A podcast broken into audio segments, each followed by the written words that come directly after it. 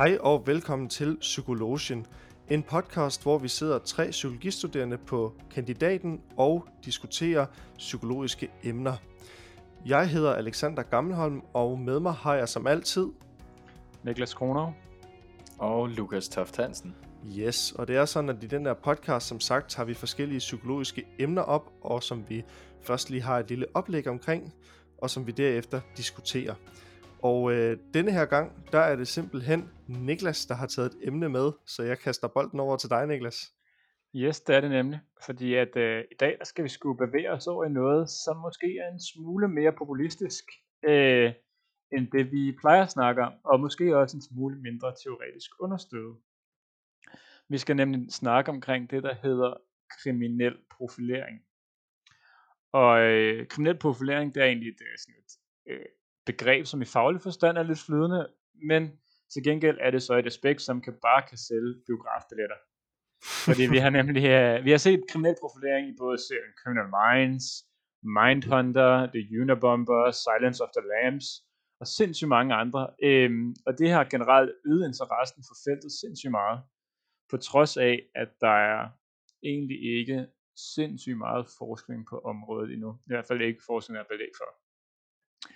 Men i dag, der skal vi bevæge os lidt væk fra film og serieverdenen og lidt ud i virkeligheden i stedet for. For i dag, der skal vi undersøge, hvordan en kriminel profil videnskabeligt bygges, og hvordan dette foregår ude i det virkelige liv. Og øh, det vil jeg egentlig gøre ved kort først at fortælle konkret, hvad kriminel profilering er, og derefter så skal vi lige så stille øh, dykke ned i en afgren af det. For i dag, der skal vi snakke om præcis, hvordan man laver en kriminel profil af en voldtægtsforbryder. Men øh, til dem, der kort ikke er helt med på, hvad en kriminel profilering er, så er det definitionen, så er definitionen, at man, øh, at man undersøger karakteristika for en gerningsmand, som kan udledes ved en systematisk undersøgelse af lovovertrædelsens karakteristika. Så kort fortalt, øh, og det er jo sådan ordbogens, øh, og politiets tror jeg faktisk, der er deres, øh, man kan sige, definition af det, men kort fortalt, så går det egentlig ud på, at man ud fra nogle, noget videnskab og noget empiri, øh, kigger på et gerningssted, og så prøver man på baggrund af, hvad der ligesom er sket, og hvad man ser på, bag, øh, på gerningsstedet, at forklare, hvilken gerningsmand, der ligesom har lavet forbrydelsen. Øh, det vil altså være sådan nogle ting, som øh, måden forbrydelsen er lavet på, placeringen, hvor det er foregået henne, og øh, det skal altså hjælpe til, at man kan hjælpe politiet med at finde ud af, hvad der står bag. Godt. Og det var så definitionen. Og nu hopper vi så lidt tilbage i tiden, og skal kigge lidt i historien på øh, kriminel profilering. Fordi at øh, vi skal hoppe tilbage til et sted, og det er sådan et sindssygt bredt spektrum, men et sted mellem 1450 og også 1750. Altså et spand på 300 år. Og øh, her var en af de her var en af verdens største under på det her tidspunkt hekse. Det var det, man mente forvalgte ondskab i verden. Det var det, man mente ligesom var grunden til, at folk fik det dårligt og blev syge, og grund til, at der kom diverse øh, epidemier osv. osv. Og derfor for at fange de her hekse, som var skyld i verdens onde, så lavede man en profil på dem. Og øh, med udgangspunkt i, hvad I to ved om hekse, vil I så ikke prøve først eller først at øh, sige, hvad I tror sådan en profil den kunne lyde på? Okay, hvor spændende. Øh, jeg tænker faktisk, at øh, vores fag i dag øh, har noget at gøre med, med, med, hvordan man kunne opfatte hekse øh, på det tidspunkt, fordi altså, vi har så gjort det, altså, det vi kalder evidensbaseret, og vi, vi prøver ligesom at finde ud af, hvad er psyken og sådan noget, og finde ud af sjælen, men øh, på det her tidspunkt, så vidste man jo ikke sådan specielt meget om det, man kunne ikke kigge ind i hjernerne på os, og og, man, og det der, det var måske lidt mystisk, hvad der var i, i, i psyken og i sjælen. Så jeg tror, at en profil for en heks, det kunne være en sådan form for spokkone, der kunne, der kunne se igennem mennesker og måske spå om fremtiden, eller i hvert fald havde nogle overnaturlige evner, øh, og kunne øh, lave nogle forskellige mystiske ting. Øh, ja, det er, er faktisk ikke langt, det er ikke langt fra. Det er, øh, der er sådan dem, der ligesom med heksehjerne, de fik ligesom sådan i gennemsnit øh, seks forskellige karakteristikker med sig, når de skulle ud for at finde de her hekse, der ligesom kunne forvalte ond, ondskab i verden. Og øh, du har ramt to indtil videre. Du sagde en gammel spåkone. Ældre kvinde var øh, en af karakteristikerne, der blev givet videre. Der er, sikkert her- også, der er sikkert også en høj hat. Nej, der er en, øh, der er en karakteristika med i forhold til noget, de, noget, de har på sig. Men det er ikke høj hat. Øh, men du kan stå først også nummer to. Du sagde det her med, at de kunne noget magi, at de kunne et eller andet specielt. Øh, når de her heksejæger, de ligesom gik ud, så fik de at vide, at de skulle lede efter kvinder, som stjal mænds potens, og skabte impotens i hele det omkringliggende område. Så det kunne være, at der var altså sådan træsorter, der døde, eller der var øh, hvad hedder det nu, øh, døde blomster, eller generelt, at der var flere mænd på området på egnen, der ikke kunne finde ud af at få børn og sådan noget, ting, og kvinder for den sags skyld. Så to rigtigt. Øh, det var en, øh, en ældre kvinde, og øh, hvad hedder det nu, en form for magi, nemlig at de skabte øh, stjal mænds potens. Alex, har du et bud på, hvad der ellers kunne være? Åh, øhm, jamen jeg, jeg må indrømme, at jeg var meget, jeg tænkte meget det samme som Lukas i forhold til, hvis man skulle profilere sådan en, øh, en heks. Jeg sad også og tænker, og det er bare sådan i forhold til, hvad man generelt sådan i gamle dage også tænkte om øh, altså hekse, når det sådan, altså hvis man skulle udspørge, eller man skulle finde ud af, hvis det her det var en heks, så var det, altså sådan, man havde nogle principper, man gik efter også generelt. Øh, og, øh, og en ting, det var det her, øh, jamen, det her overnaturlige, øh, men der er også noget omkring det her med, altså sådan ting, de, de øh, har på, eller ting, de, de, øh, altså, de laver sikkert et eller andet bestemt, øh, jeg sidder og tænker sådan i forhold til, hvad de spiser, drikker, indtager, eller hvad de har øh, på af tøj, eller igen for at lave den der profilering omkring adfærd, og hvad de laver osv. Øhm, Ja, Men- at du er først ved at være omkring, øhm, nu afslører jeg det for jer, men øhm, de, øh, de får at vide, heksejerne her, at den øh, kvinde, de ligesom leder efter, har en vis viden omkring urtemedicin. hmm, Øh, fordi at hekse, de er jo kendt for at kunne lave alle mulige bryggerier, og man har jo set i diverse Disney-film, de store gryder, de står og, og laver, ikke? at øh, de skal have en viden om urtemedicin, øh, de her kvinder, som er hekse. Og så sagde du noget, Alex, lige før, som faktisk var omkring en af de ting, der også er. Nemlig det her med, at de havde nogle kendetegn. De havde enten noget tøj, eller de havde en hat. Men det er faktisk ikke konkret det, som heksejerne fik at vide. De fik til gengæld at vide, at de skulle lede efter djævelens mærke på heksen. Og djævelens her, øh, mærke, det er simpelthen en vorte eller et modermærke. Så hvis kvinden hun har en vorte eller et modermærke på et eller andet sted på kroppen, så kan det betegnes som djævelens mærke, og derfor er hun øh, heks. Øhm, der er mange hekse i verden. ja, vildt mange hekse. mand. Vildt mange hekse. Og øh, de sidste to ting, det er, at kvinden hun skal være fattig, og at kvinden hun skal bo, bo i udkanten af byen.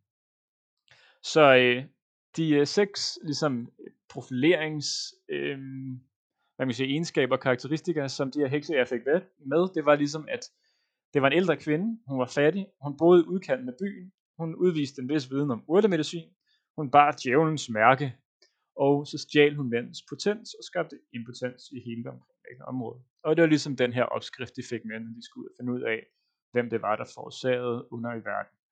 Okay, når du lige sætter den her profilering op, så tror jeg gerne lige, at jeg vil trække i land med, med det, jeg sagde med, at man kunne sammenligne hekse med psykologer i dag. jeg, synes, jeg synes ikke, det lyder så meget som psykologer. Ej, hold da op. Hold da op. Ja, det var nok bare mere min tanke om, at, at heksen var sådan lidt en spirituel væsen, eller sådan en klog gammel kone, eller et eller andet, men, Ja. men, men det her, det lyder som om noget, der er lidt fjern fra noget, jeg vil identificere mig selv med. Men man kan sige, altså generelt tankegang på det tidspunkt, bare er jo ikke præg af, at man er videre videnskabelig i forhold til altså at finde, finde sådan nogle typer. Øh, der var også en måde, hvor man sådan, hvis man var lidt i tvivl, så bare man en sten omkring maven på den her heks, og så smed man ud af havet. Og ja. hvis, hun druk, hvis hun druknede, så var hun ikke en heks. Og hvis hun ligesom kom fri og kom op til overfladen, så var hun en heks, og så skulle hun dø alligevel. Så det er sådan, man kan sige, ja, det har måske ikke været, det har måske ikke været den, øh, den høje universitetshal, der er blevet båret primært i det, mellem 1400 og 1750. Måske nummer heks 101 kan, kan flyde eller svømme over. Ej, kæft, mand. Men øh, ja, så det her, det lyder, det er jo ikke sønderligt videnskabeligt. Og derfor begyndte man også i 1970'erne ligesom at lave lidt mere forskning på det her profileringsområde. Fordi FBI i, øh, ja, i USA, de lavede noget, der hed FBI Behavioral Science Unit, kort fortalt BSU, som egentlig begyndte øh, der, i 70'erne at interviewe en række seriemordere, 36 for at være specifik, i forhold til hvem de var, og hvilke karakteristika de havde, og sådan nogle ting, for at ligesom prøve at kvantificere bare den base, der ligesom kendetegner det at være kriminel, for at kunne bruge det i forhold til at løse øh, forbrydelser.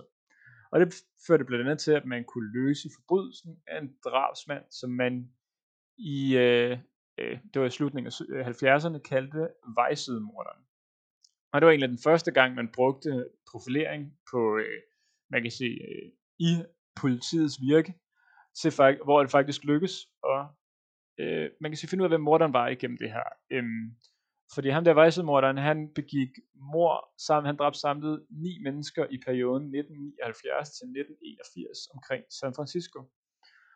Og at man ligesom kunne bruge profilering til at finde ud af, hvem ham her vejsidemorderen var, skabte ligesom, øh, hvad man kan sige, en bevægelse, som, øh, som øh, stadig ses i dag. Godt. Men det var nok historie. Nu hopper vi længere frem og bevæger os op til nutiden. Og som sagt, døber vi lidt længere ned i profileringen, i stedet for at være så bredt, og så, nu, og så skal vi også selv sidde og lege kriminologer. For øh, i dag, der opdeler man en kriminel profil i tre dele. En geografisk profil, hvor man prøver at give et øh, bud på, hvilken geografi er gerningsmanden fra. Altså øh, en øh, offerprofil, hvor man undersøger, hvad lighederne er mellem offerne, og en gerningsmandprofil, hvor man på baggrund af gerningsstederne og andet bevis giver et bud på gerningsmandens karakteristika. Så i eksemplet med heksen, der øh, har de jo faktisk udnyttet nogle af de her ting. Vi ser for eksempel, at den geografiske profil er, at de bor i udkanten af byen. Deres gerningsprofil, altså hvad kendetegner den øh, hvad kan jeg sige, gerningsmand, der ligesom er, det er en ældre kvinde, fattig, hun har en viden om urtemedicin, og hun skaber impotens omkring sig. Og man kan sige, at offerprofilen er ikke så tydeligt, fordi heksene gik som, som udgangspunkt efter alle. Øhm, en offerprofil kunne fx være på Jack the River, at han kun gik efter prostitueret. Så det er ligesom det, der øh, menes med offerprofilen, at man ligesom kigger på offerne og hvad de er til fælles. Godt. Men det var meget overordnet, konkret i dag, hvad profilering er. Nu går vi helt dybt ned i det. Som øh, jeg sagde i starten, så øh, går vi ned nu i det at profilere voldtægtsforbrydere. Fordi jeg har været ude, og så har jeg undersøgt det allernyeste forskning, og det har jeg simpelthen med til at servere for jer i en dejlig buffet. Øhm, yes. Godt. Der øh, kommer lige kort øh, en ops- eller et kort intro til voldtægtsforbrydere og deres profil, og så ellers så kommer vi egentlig til at lave en form for tango hele vejen ned igennem. Hvor jeg øh, fremlægger noget øh, empiri, og så skal I ligesom, øh, så skal I ligesom, øh, ja, man kan sige, spille med på den, og så får I et par spørgsmål, og så skal vi ligesom til slut, skal det gerne munde ud i, jeg har nok viden omkring kriminalprofilering, at I kan profilere en case, jeg har med. En god øh, buffet og en tango, det lyder altså ja, som, en, øh, sådan, som en dejlig eftermiddag. Og hånd i hånd. Sådan ligesom solgt, ikke? Sådan ligesom solgt. Jo tak, det vil jeg gerne bede om. Jamen, øh, Ja, og grunden til, det skal også lige sige, grunden til, at jeg har valgt voldtægtsforbrydere, er jo ikke fordi, at der er allermest evidens inden for det område, inden for kriminel profilering. Det er ligesom her, hvor der er flest gen- generelle tendenser for forbryderne, og derfor også der, hvor man ligesom har kunne kvantificere på det data, man ligesom bruger mest muligt. Godt. Men allerførst, så opdeler man voldtægtsforbrydere i to hovedkategorier. En selvisk voldtægtsforbryder og en uselvisk voldtægtsforbryder. Den selviske voldtægtsforbryder er, øh, viser ofte høje niveauer af aggression. De viser høj seksuel dominans. De vil altså gerne dominere, når de voldtager en. De vil gerne styre det hele. De viser selvtillid. De tror på, at øh, man kan sige, ofte vil det være manden, der begår voldtagelsen, så de tror på, sådan, at jeg er mand, det er mig, der ligesom har, øh, man kan sige, det, det, det, altså jeg har lov til det, fordi jeg er manden, og jeg er bedre end dig, og så videre, og så videre. Øh, de prøver på ingen måde at skabe nogen form for intimitet med voldtægtsofferet. De vil ofte udføre voldtægten igennem enten anal eller oral sex, og så til slut vil deres sprog ofte være meget truende, meget ydmygende og meget seksualiseret. Og det er altså det, en selvisk voldtægtsforbryder er. Så har vi den modsatte pol af voldtægtsforbrydere, som er lidt den, det er meget, hvad vil sige, måske ikke det mest etiske at sige, men det er lidt den gode voldtægtsforbryder.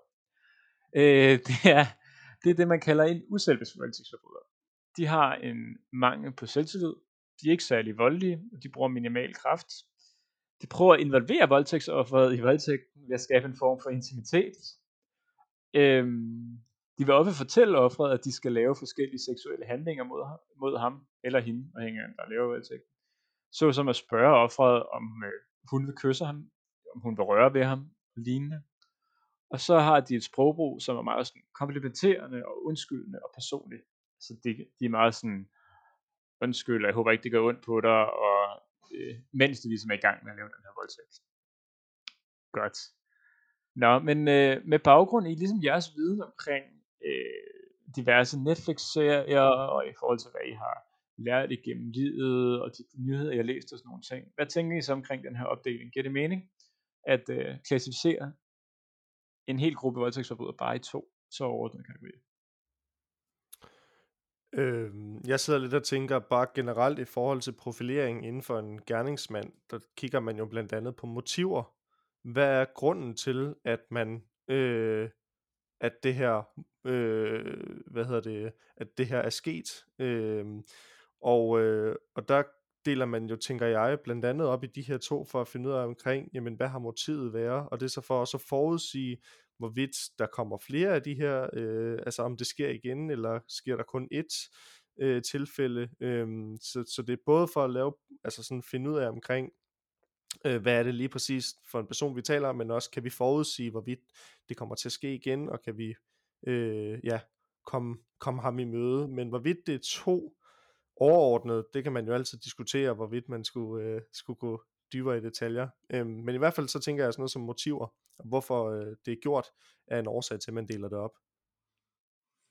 Ja, øh, jeg sidder også og tænker på, hvordan, hvor, hvorfor det netop sådan lige skulle være selvvisk og uselvisk, man sådan deler det op i som hovedkategori, om, om det har noget med øh, gerningsmandens sådan agreeableness, øh, eller ja, eller hvad, eller hvad det har noget at gøre med. Øh, jeg, jeg kommer også til at tænke på de øh, episoder, vi lavede om øh, psykopater, øhm, og der vil jo være nogle mennesker, der er fuldstændig følelseskolde, og slet ikke øh, indser ligesom, hvad de, hvad de udsætter en anden person for, og så vil der være nogen, der faktisk har en form for empati, øh, og godt ved, hvad de udsætter en anden person for, men alligevel gør det, øh, men så måske har en eller anden form for samvittighed, øh, til alligevel at, øh, at være sådan lidt undskyldende, øh, ja, på en eller anden måde. Jamen det er rigtigt. Det er jo det der med, at sådan, man mister lidt nuancerne, når man opdeler så groft. Øhm, man misser, det kan for eksempel, der kan jeg jo sagtens forestille mig, at der er en gerningsmand, der måske har været, man kan sige, det ved jeg ikke, meget surt øjeblik, voldtager en person, og så lige når voldtægten er færdig, manden er kommet, du ved, sådan alt ud af kroppen, energien falder, at man med det samme er undskyldende.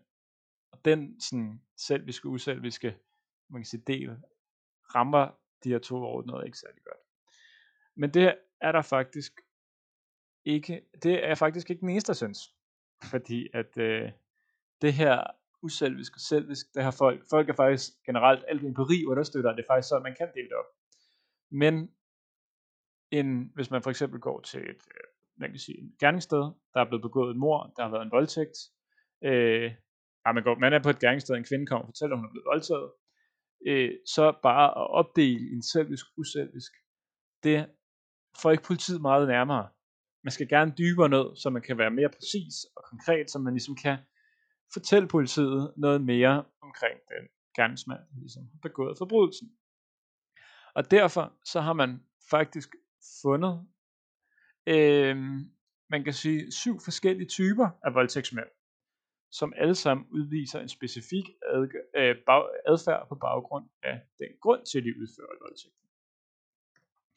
Og øh, de første to profiler, det hedder en kompensatorisk voldtægtsforbryder. Og på en, jeg siger også det engelske, fordi at nogle af oversætterne er lidt løse og ikke helt lige så gode som den rigtige. Men den, de to første profiler er henholdsvis en kompensatorisk voldtægtsforbryder, som på engelsk hedder en compensatory rapist, og en magtgenoprettende voldtægtsforbryder, som hedder power reassurance rapist. Og de her to gerningsprofiler, de, øh, de hører ligesom ind, de har ligesom de samme adfærdstræk, og man gør det ligesom på det samme grund, når man er en af de her to. Når man er i disse former, så for voldtægtsforbrydere, så har man, øh, man kan sige, øh, så vil man gerne fjerne sin tvivl omkring, hvorvidt man seksuelt er god nok. Det vil sige, at alle de her, de her både den her kompensatoriske og den her magtgenoprettende voldtægtsforbrydere, de går og har nogle tanker omkring, at de ikke er seksuelt er gode nok, og derfor prøver det ligesom, eller så derfor er det som voldtægten for at prøve at vise, at de er gode nok. De tager gerne et trofæ for offret som minde. De tager gerne deres undertøj, eller tager gerne et smykke fra dem, som ligesom kan minde dem om episoden. Øhm, men selvom de får rigtig høj selvtillid af det her, den her voldtægt, så mister de den rigtig hurtigt igen. Og det, øh, man kan sige, det, det ligger jo lidt i, at den her type, der gør det, de ofte vil have, man kan sige, hvis de, de gode ting, de gør i livet, vil, vil de ofte se på værende eksterne grunde, og de dårlige ting værende, at det er deres egen skyld. Så for eksempel, hvis nu, at de øh, gør det rigtig godt på arbejde, så er det fordi, at deres, det ved jeg ikke, at stjernebilledet har været på, eller stjernerne har været på linjen af det, eller et. Hvorimod, hvis de gør det dårligt, så er det fordi, de er udulige. Og det er det samme her, at øh, på en eller anden måde, at fordi, at øh, øh man kan sige, de får hurtigt selvtillid af det igen, men desto mere de rumonerer, desto mere de tænker over det, så kommer de over på, at det faktisk ikke er deres skyld. De, øh, og derfor så sender den her selvtillid hurtigt igen. Hvilket betyder, at de gerne laver voldtægt igen meget hurtigt. Øhm, de laver øh, gerne, de voldtager gerne i løbet af natten eller tidlig morgen, for chancen for at blive opdaget af lille. Og de tror, at offret nyder voldtægten. De tror altså, at, vold, øh, at voldtægtsofferet godt kan lide at blive voldtaget. Der er nogle flere adfærdstræk, men det er de mest overordnede og mest gennemtrængende. Godt. Nu vil jeg gerne have jer til at svare på.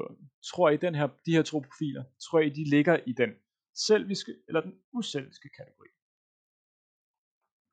Og den vil være sådan, altså nogle af dem vil ikke være kun den ene. Det vil være hænge overvejende til den ene side.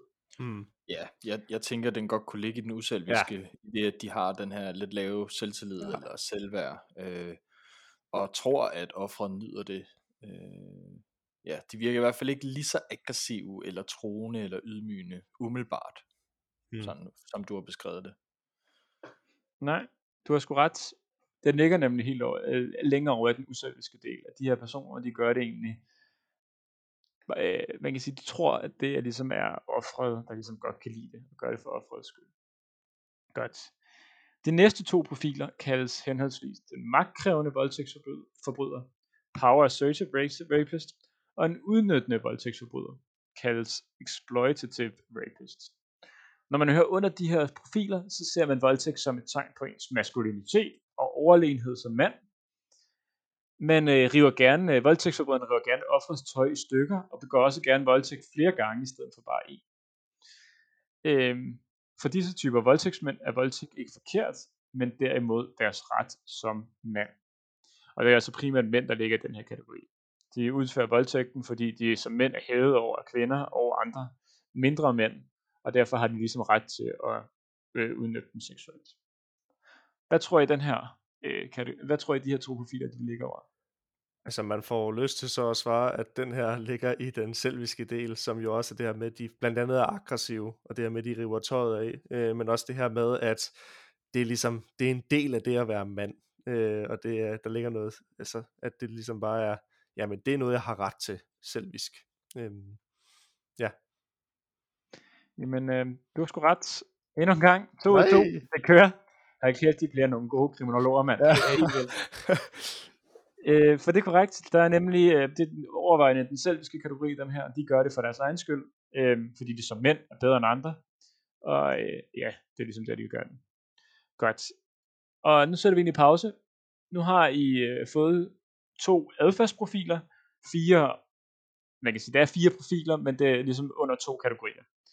Øhm, den første var den, I nævnte, som var uselvisk, som var det, der hed en kompensatorisk voldtægtsforbryder, og en magtgenoprettende voldtægtsforbryder som øh, hvad kan sige, ikke havde selvtillid, de, havde, øh, de tror, at offeren nyder voldtægten osv., og så har I haft de her magtkrævende voldtægtsforbrydere og udnyttende voldtægtsforbrydere, som egentlig gør det, fordi det som mænd har ret til det.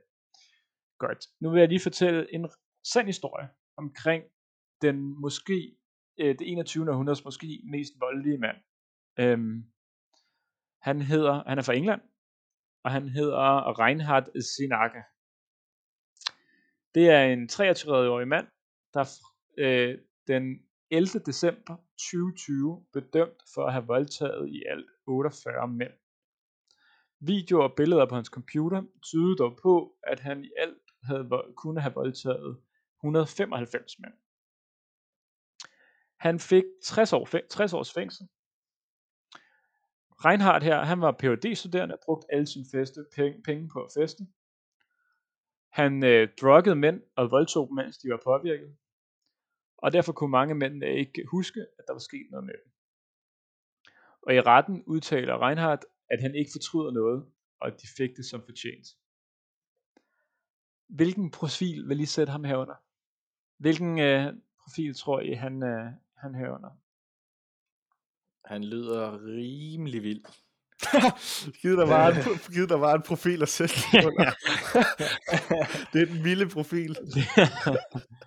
Nej, jeg, jeg vil nok mene, at, øh, at han, jeg ved det jo ikke, men at han hører under den uselviske i det, at han, øh, han sådan set ikke gør det sådan, ja, det ved jeg ikke, om det er dominans og aggression og sådan troende, men han, han sniger sig i hvert fald til det på en eller anden måde, som om at det, ja, at han skulle Ja, hvad siger du, Alex? Jeg, jeg sad lidt og tænkte, men jeg sad også lidt og var fortæller for den selviske. Øh, men det er mere fordi netop det her med, at han siger, jeg fortryder ikke noget, de har fortjent det. Det, det er Nå. lidt over i den der ikke undskyldende. Øhm, ah, ja. men, men jeg ved det ikke, altså det kunne lige så godt være den anden. Øhm, men det var bare det, jeg sad og tænkte. Plus at han gør det ret mange gange. Øh, så der er nok ikke noget fortryd fra hans side af. Det siger han også, der ikke er. Men øh, jeg ved ikke, ja, jeg ved ikke, hvad vi skal gå med, Lukas.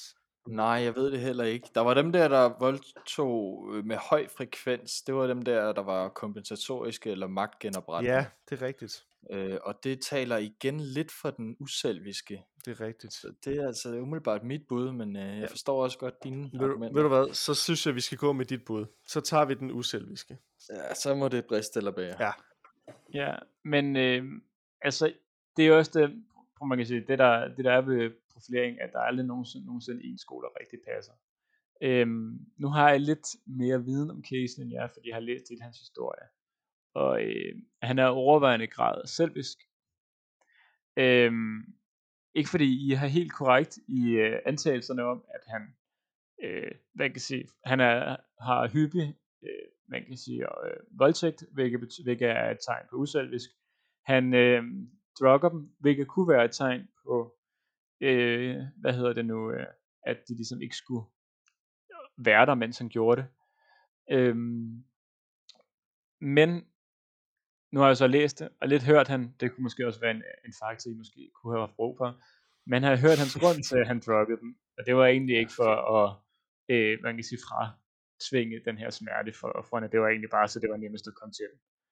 Øhm, og øh, det og specielt det med, at han ikke fortryder noget, og de får præcis som de fortjener, er ligesom også den, der vælter øh, papirhuset over i den selviske retning, fordi at de uselviske som udgangspunkt altid tænker, at offeret godt kan lide det. Øhm, Ja, det var også den Alexander han sagde, så det, det, oh ja, der trækker jeg dig altså lige med Prøv at høre, vi går ned med flade sammen, sådan er det. ja, en, en for alle, alle for en. Ja, men det, det, ja, men man kan også sige, normalt så vil jo øh, have en lidt større offerprofil, og det ikke betyder, at I havde lidt flere information at arbejde med. Så det vil... Øh, ja, nu er ja. vi jo i træning som kriminologer. Det er jo det, det, er. det. Man, man det må det. gerne lave lidt fejl. Og det er jo også det, ikke? Altså, det er jo det, man lærer igennem hele livet, at når man har rigtigt, når man er rigtig, så udvikler man sig jo ikke, men når man har fejl, så så lærer man. Så har man ligesom nu, nu har vi lært meget. Ja. ja. Ja. Og, og det, det vil vi med det her eksempel demonstrere for jer, kære lyttere. vi vidste det godt. vi vidste alting, men øh, nu har vi ligesom demonstreret, at vi også kan fejle, og vi er også menneskelige. Ja. Men altså, som altid, så er det jo stadig jer to, der fejler, og mig, der har korrekt. Så det er jo som det plejer. ja. det, blev sagt i, det blev sagt i en loge. Yes. yes, yes. Hvad hedder det? Jamen, øh, vi bevæger os videre. Der er tre profiler tilbage. Vi har øh, den næste profil, det er det, der kaldes en vredes hævngærig voldtægtsforbryder. Og på engelsk, anger retaliatory rapist. Og den her voldtægtsforbryder er ekstremt vrøv, voldelig og hader kvinder. De får seksuel udnyttelse ved at udøve smerte på kvinder, Og øh, han får der, derudover generelt også nydelse ved at udføre handlinger, som er nedsættende over for kvinder. Det er altså primært vreden, der ligesom er styrende her. Han er bare så, øh, han er så pissevred, og det skal bare gå ud over alt. Godt. Hvilken, øh, hvilken kategori tror I, øh, vil I sætte ham i? Den selviske eller udselviske? Det der med, hvad var det, aggressivitet, det var den selviske, ikke? Så det er helt klart den, han skal i. Den lille vilde mand. Er du enig, Lukas? Ja, det er jeg. Hold kæft, det er flot. Så er I tilbage på øh, den korrekte linje. Det er nemlig rigtigt. Det er nemlig rigtigt. Og det fører så videre til den sidste gruppe af voldtægtsforbrydere. Vi har at gøre med de sidste to profiler. De kaldes en dredes spændingsfuld voldtægtsforbryder, på engelsk kaldes anger excitement rapist, og en sadistisk voldtægtsforbryder. Her er voldtægt en vej til nydelse. Den her type torturerer kvinder og får nydelse igennem det. Ikke fordi han er vred på kvinderne, men derimod fordi han ligesom får nydelsen ved at øh, se dem have ondt og have smerte. Øh, profilen har gerne et voldtægtskit, ligesom sådan en, øh, ja, det kommer jo ikke altid i en, øh, en kuffert, tænker jeg, men jeg kan forestille mig en, øh, en kuffert, han går rundt i, hvor der lige er diverse ting til at udføre, udføre en voldtægt i. Øhm, og det er altså i den her, øh, det her voldtægtskit, der er der altså specifikke genstande, som han tager med sig ud for at voldtage. Og han vil altså gerne, når han laver den her voldtægt, vil han gerne skabe maksimal frygt i offeret. Så han kan, han, begynder, han voldtager ikke altid starten. Nogle gange lader han ofte vente i frygt, øh, mens han på en eller anden måde laver sådan noget psykologisk terror. Og så til sidst voldtager dem, fordi det er ligesom det her med at se offeret i smerte, der er ligesom er hele nydelsen i det. Okay, det var så alle de her forskellige profiler. Men allerførst, ham her, den sadistiske og vrede spændingsfulde voldtægtsforbryder. Hvilken kategori vil I sætte ham i? Uh.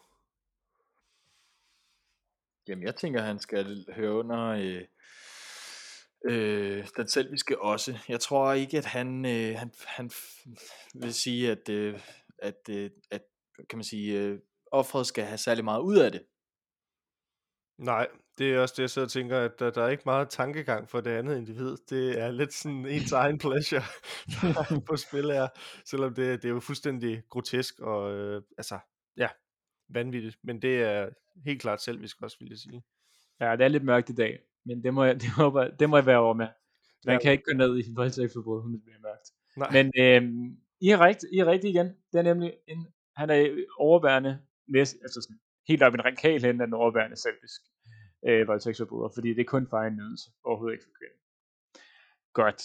Det vil så sige, nu har vi været igennem det allernyeste forskning, der ligger på at kriminalprofilere en voldtægtsforbryder. Der er som sagt syv profiler. Der er den magtkrævende voldtægtsforbryder, og den, øh, undskyld, der er den kompensatoriske voldtægtsforbryder og den magtgenoprettende voldtægtsforbryder, som vi begge to var enige om var den uselviske. Vi har at gøre med, vi har, eller der er den magtkrævende voldtægtsforbryder og udnyttende voldtægtsforbryder, som er den selviske del. Der er en, øh, hvad hedder det nu, en øh, vredes hævngær i voldtægtsforbryder, som også er selvisk. Og så er der til slut det, vi lige har haft, den vrede spændingsfulde voldtægtsforbryder og en sadistisk voldtægtsforbryder, som også begge to er selviske. Kan vi ikke bare sige, at de er alle sammen selviske?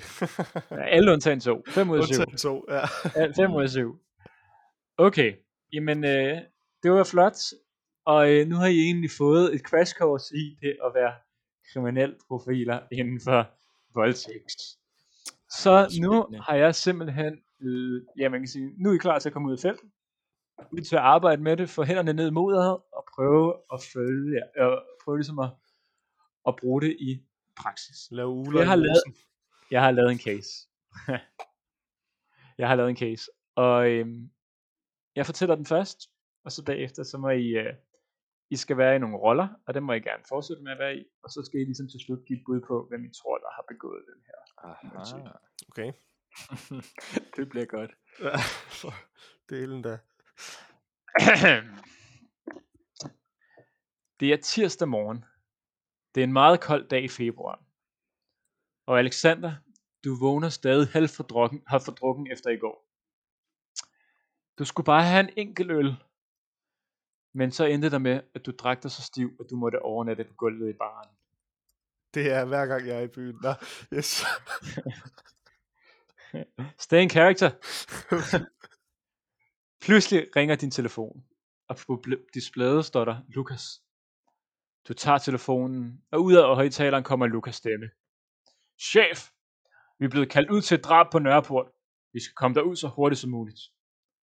Alexander lægger hurtigt telefonen på og forbander, hvorfor din assistent Lukas altid skal være så forbandet morgenfrisk.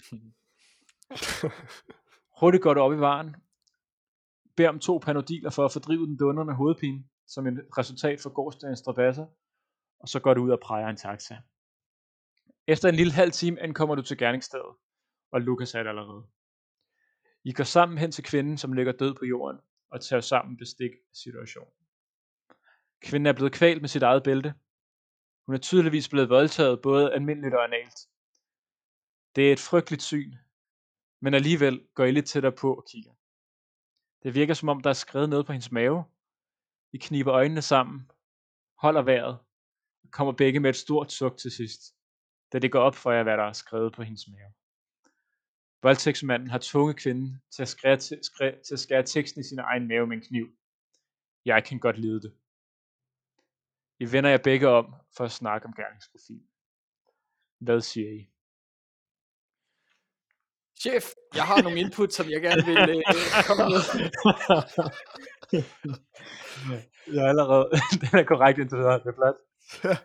oh, jamen, jeg ved ikke, jeg er stadig alt for søvndrukken til den her opgave, men øh, kom med det. Kom med Chef, det er tydeligt, at der er tale om en meget sadistisk og øh, ja, en, en person, der er drevet af en eller anden form for øh, selvisk, sadistisk magtudøvelse over det her offer. Jeg kan se, at jeg har oplært dig godt, lille ven. Og jeg er helt enig. Øh, sadistisk øh, magt, øh, en form for øh, ja, øh, dominans, noget trofæ også, i og med, at øh, denne gerningsmand har efterladt sig et spor. det er sgu da ikke et trofæ. Ja, trofæ, ja, det er trofæ. Jamen det der med, at han har kottet i hendes mave, det der sådan, Okay, men det kan godt være, det bliver lidt for... Hvis han har taget noget af maveskinnet med, chef, så er det, ja. så er det et trofæ. Men ellers så er det, så er det forkert. Så har han lagt et spor. okay. mere, chef. Ja, tag en yes. Men øh, han har i hvert fald udført sadistisk handling, og er, øh, ja, jeg er enig. Er det jeres bud? En øh, sadistisk voldtægtsforbryder? Ja, det må det vel være. Ja. Yeah. Jeg kan ikke sige det. Han passer bedst i hvert fald ud for de informationer, vi har fået. Jamen, det er sgu korrekt. Det var, også, øh, det var også det, jeg kiggede efter. En sadistisk vold, voldtægtsforbryder. Han har øh, fået hende til at skære sig selv op, og tydeligvis øh, nytte det, fordi han har skrevet, jeg kan godt lide det. Øh, meget selvisk, fordi han, øh, hun har ikke fået noget ud af det her. Øh, så I er helt korrekt. I er nu officielt klaret jeres første case, eller profileret jeres første case som kriminalpsykolog. Øhm, Godt, hvis øh, nogle af de der fra retspsykologi lytter efter, så sidder vi her klar til at øh, profilere. Det er det. og det slutter så fik egentlig... vi også lavet lidt skuespil og lidt, øh, vi kan det lidt hele. rollespil. vi kan det hele. Det kan vi også ja, i Logen. Øh, ja. ja. Jamen, øh, og med det slutter altså øh, selve hovedoplægget, eller hoveddiskussionen, hvad fanden det er, øh, blandingen. Øh, hvor vi til forskel fra normalt ikke lige har holdt 20 minutters oplæg, og så holdt uh, diskussion, men dermed har jeg prøvet ligesom at flette det ind undervejs, og prøve at få jer på banen med en blanding af teori og praksis. Um, så ligesom for at få det til at være lidt mere flydende det hele. Og um, det slutter egentlig det her. Jeg har et uh, diskussionsspørgsmål med, hvis I lige er klar til at hoppe videre. Um, før vi ligesom går videre til afslutningen og SPRK og sådan noget. Jamen, øhm, diskussionen lyder egentlig, at en af de nyeste udviklinger inden for kriminel profilering er, at man prøver at få en computer til at lave profileringen for os. Som tidligere beskrevet er kriminel profilering lavet på nogle generelle tendenser, ting som ofte knyttes med noget andet og lignende. Det vil altså sige, at man har, opd- man har øh, man kan sige, løst en række mor, og så har man fundet generelle tendenser, der er ved den type mor. Øhm, og det er ligesom det, man laver en kriminel profil på, som sagt. Men det betyder så også, at desto større mængde data der er til at lave paralleller, desto flere sammenhænge kan man se. Og derfor har nu prøvet at lave en computer, som kan sammenlægge al ny data fra efterforskninger rundt omkring i verden, for at få et samlet billede af gerningsmænd. Hvad tænker I om den tilgang? Og tror I, at en computer kan lave en lige så god kriminel profil som et menneske. Jeg tænker lidt i forhold til det her med profilering at skulle plotte ind alle mulige forskellige data for ligesom at give øh, et, et, outcome, øhm, kan den måske være rigtig god til. Øhm, det eneste jeg sidder og tænker på, det er, at der er jo, altså, der er jo nogle ting ved profilering, som f.eks. geografi og så videre, og historik og sådan nogle ting, hvor at, altså sådan nogle ting, du kan måle, hvor der kan den være god i en computer, men der er jo også noget i forhold til, jamen, hvordan tænker en, øh, en øh, hvad hedder det, hvad er motivet bagved, hvad, hvordan tænker en, en gerningsmand, og altså sådan nogle lidt mere abstrakte måske begreber, som man også prøver at, øh, at sætte i en, øh, i en boks, men måske kan være lidt svært. Også det der, jeg sidder bare og tænker sådan generelt, detektiver kan jo også nogle gange blive i tvivl omkring det der med, at man, så har man en, men, men det kunne jo fungere begge steder, og altså sådan, så overordnet kunne den virke, men, men der vil helt sikkert være nogle faldgrupper, når vi kommer til det lidt mere abstrakte. Bare det, jeg sagde, det synes jeg også var lidt et abstrakt svar, men, men det, altså, den kan være god til det der med plot ind, øh, men samtidig tror jeg bare, at det er ikke så, det er ikke så lige til. Det kan godt være, det er bare mig. Nej, men sådan er det, når man samler en masse data sådan meget kvantitativt, og det er jo meget populært op i tiden, øh, det her med, at man skal have algoritmer for det ene og det andet. Øh, men jeg tænker sådan overordnet set, så er det jo en ret okay god idé. Det var også det, som øh, Niklas, du fortalte, at FBI gjorde i 70'erne, hvor man øh, prøvede at lave de her offerprofiler og gerningsmandsprofiler, øh, for ligesom at indsamle data for, hvad kan det være for en type af mennesker, mm. øh, der, der kan finde på at lave nogle af de her forbrydelser. Øh, men, men der, som du siger, Alexander, der skal man også tage noget kultur og nogle sådan helt specifikke faktorer med, øh, som kan afhænge, altså som er sådan kontekstafhængige øh, forskellige steder i verden, forskellige kulturer. Øh, og, og så er der jo også meget sikkert med relationer mellem mennesker, om det er en ekskæreste, man vil have hævn over, eller om det er ja, nogen i familien, eller nogen man ikke kender, eller hvad ved jeg. Der, så der er sikkert meget mere, som den her computer så ikke kan få med, øh, men, men alligevel kan give et overordnet indblik af, hvad det er for en type, vi leder efter. Mm, så det kan være et okay redskab, tænker jeg, altså sådan som hjælpeværktøj, ikke? Jo, Ej, men jeg synes også, jeg er helt enig i at svare. Personligt synes jeg også det her med, at man bruger det som måske en, et start, ligesom at få fremdrift i, øh, i det hele. At man først har nogle generelle tendenser, man bygger det hele på, og så kan man ligesom have mennesket til at analysere på de her generelle tendenser. Øhm, yes, jamen øh, med det, så er vi faktisk ved vejs ende for øh, dagens både oplæg og diskussion, og hvad vi ellers har været omkring øh, de ting imellem. Ja, og øh, vi skal jo så videre, og jeg vil gerne starte med at sige tak for et, øh, Ja, altså spændende oplæg, og jeg håber virkelig, øh, fordi at, at vi sidder jo sådan lidt og, og hygger os lidt med det, og, og er lidt teoretiske omkring det. Øh, jeg håber, vi har også behandlet det her emne øh, ordentligt, fordi det er jo ret alvorligt i virkeligheden. Øh, men, men nu er det sådan, at når, altså, vi er jo ret vant til at, at snakke om både lidelser og forstyrrelser, og i det hele taget, hvordan det her det kan gå ud over ofre og omgivelser og pårørende, og det gælder alle mulige psykiske lidelser, det gælder også sådan noget som voldtægt, som så er et lidt øh, voldsomt emne egentlig i virkeligheden. Så jeg håber, at vi har behandlet det nogenlunde med respekt, men det var i hvert fald interessant at, at få noget viden om, og, og så man også kan blive bedre til ligesom at profilere og, og finde frem til, til gerningsmanden, og det er jo i sidste ende det, som vi gerne vil, så man kan undgå de her forbrydelser. Øhm, og nu skal vi altså have en leg op at stå, og øh, det skal vi med SP eller K. Så jeg tror, vi var færdige, mand. Aldrig færdig med de rim. Nej, jeg prøvede at gøre den lidt øh, subtil. Men øh, i hvert fald, øh, Alexander, hvad vælger du? Yes. Jamen, øh, jeg har på fornemmelsen, det kan godt være, det er forkert, men ellers så er jeg bare frisk på at tage den, men øh, det er længe siden, jeg har haft en K, så det kan være, at jeg skulle tage den. Okay, spændende. Jamen, øh, K, den lyder egentlig på, argumentere for, at kriminel profilering bare er noget ubrugeligt skidt. Noget, der ikke hører sig øh, nogen steder hjemme, og ikke skal være en del af politiets efterforskning. Okay.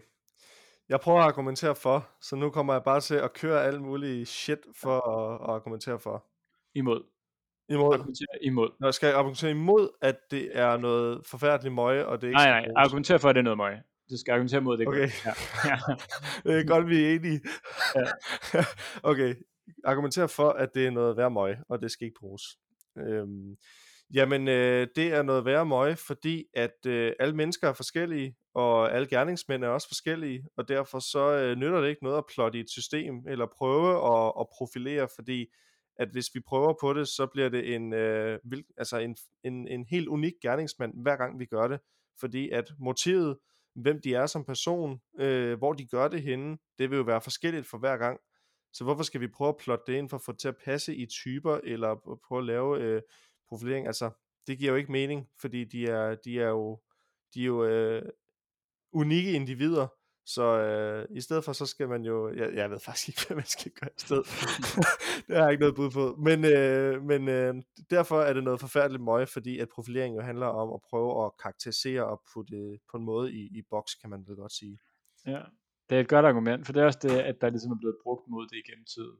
For Okay. øh, det, der ligesom er den største kritik, er, at det er meget svært at evidensbasere, fordi som sagt er mange mennesker unikke. Og det er svært at placere folk, rigtig mange folk, i nogle små grupper. Og det betyder ofte, specielt i noget, der har handlet om kriminalprofilering, at når man laver en kriminalprofil, så leder folk efter den type. Og hvis man har forkert på den, så kommer der til at blive spildt sindssygt mange ressourcer og sindssygt mange kræfter på mm. noget, som måske, øh, man kan sige, måske kan betyde, at for eksempel en voldtægtsforbryder kan nå at voldtage flere og så videre. Yes, Ja. Jamen, så vil jeg selv øh, tage et S. okay. Jamen, øh, hvad var kendetegnet ved en kompensator- kompensatorisk og eller magtgenoprettende voldtægtsforbryder? Mhm. Mhm. Ja, ja.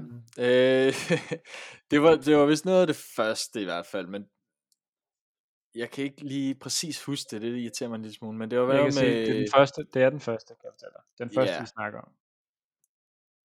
Ja, men, jeg, jeg troede lige, jeg havde nogle noter her, der kunne hjælpe mig, men det har jeg så ikke. Det er den uselviske, kan jeg hjælpe dig med. Det er uselvisk. Øhm, kompensatorisk. Jamen, det var det der med lav selvtillid og sådan noget, og at man troede, at offeret, det ved jeg ikke lige om det var specifikt for den kompensatoriske og men det var i hvert fald noget med, med sin egen selvtillid og sin egen tvivl, om man var god nok, øh, og man kunne ligesom genoprette det på en eller anden måde ved at, ved at voldtage, øh, og så tænke, at offeret nok øh, nød det, og man selv præsterede noget godt, og så øh, var det meget en kortvarig glæde, så man måtte hurtigt ud og gøre det igen. Noget af den stil. Lige præcis. Det var helt korrekt. Det var, øh, man, er et, man øh, udfører voldtægt, fordi man er i tvivl om, hvorvidt man er seksuelt er god nok. Man tager gerne et, et trofæ for offeret som minde. Og øh, den, øh, som du sagde, man gør det hurtigt igen, fordi den seksuelle selvtid, man får, forsvinder rigtig hurtigt. Og øh, yes. Jamen, øh, det efterlader så P til mig. Og det er egentlig, øh, hvor mange procent jeg sætter på videnskaben bag og brugbarheden af kriminel profilering. Altså det er jo lidt sjovt, fordi at øh, før, jeg, før jeg læste op til det her øh, oplæg og den her del, der havde jeg egentlig sat rigtig, rigtig mange procent på, fordi jeg har jo set Criminal Minds, og de løser altid fucking forbrydelsen, så det er pisse smart. Øh, det skal der bare flere steder af. Og jeg har flere gange været irriteret over, at man i Danmark ikke kan blive kriminalpsykolog. I hvert fald ikke øh, kriminal profileringspsykolog, eller kriminal profiler, eller hvad det hedder på dansk. Øhm, øh, fordi det er ikke en uddannelse, vi har i Danmark, så man skal til udlandet for at få den. Og, øh, men efter jeg har læst op på det, at finde ud af, altså man kan sige, det vi har snakket om i dag, det virker jo en smule overordnet, og det virker lidt sjovt, at man, altså sådan, I kan jo også bare selv se det i lavede casen, at det var svært at placere folk i. Og den del af kriminel profilering, vi har snakket om i dag, er den del, der absolut har mest evidens for. Og alligevel sidder vi lidt og er sådan lidt, uff, det er lidt svært, fordi at det betyder det var sindssygt meget, hvilken retning man går i politiforskning. Og det er lidt en gang imellem noget gætteri og sådan nogle ting. Øhm, så øh, jeg vil egentlig sætte måske 50%. Måske bruge det som inspiration, hmm. men måske ikke som øh, et faktum. Ja. Yes. Okay, jamen øh, spændende, og ja, det er jo noget, man sikkert også kunne diskutere videre, hvad, hvad det kan og hvad det ikke kan. Øh, men nu synes jeg i hvert fald, det var spændende at få nogle øh, eksempler på det, og prøve at arbejde lidt med det selv, øh, der hvor det står. Og så er det lidt svært at lige dis- differentiere mellem de forskellige typer og sådan noget, men, øh, Men det giver i hvert fald god mening, at der er et eller andet form for redskab, når man skal prøve at identificere en gerningsmand. Så tak for et godt oplæg. Tak for oplæg, det var super spændende. Jamen, det var da så let. Det var da Ja. så let. Og øh, hvis I, kære lytter, også har synes, at øh, det har været en, et godt oplæg, og i det hele taget, hvis I kan lide vores podcast, så kan I jo gå ind på vores Facebook-side. Vi har fået Ja. en Facebook-side. Whoop, whoop. Jeg fandt med fået en Facebook-side. Og den hedder, ja, I skal søge på Psykologen Podcast. Så kommer I direkte ind, og så kan I jo give os et like, og I kan følge med i, øh, når vi lægger et opslag op, der måske kan supplere de afsnit, som vi laver. Og ellers så, øh, så kan I jo som altid skrive til os på mailen, som står i vores beskrivelse. Øh, og så kan I egentlig bare lytte med i næste uge, og I kan også bare lytte med, når I har tid. Man behøver ikke øh, tage afsnittene, øh, man behøver ikke sidde klar hver fredag morgen, selvom vi kan se, det er der mange, der gør, men øh, I Ja. kan simpelthen bare stryge ind og høre dem gratis, men, men, lige man, præcis, må, når men I har man, tid. må gerne, man må gerne. Ja, ja, ja, ja. Man må, ikke.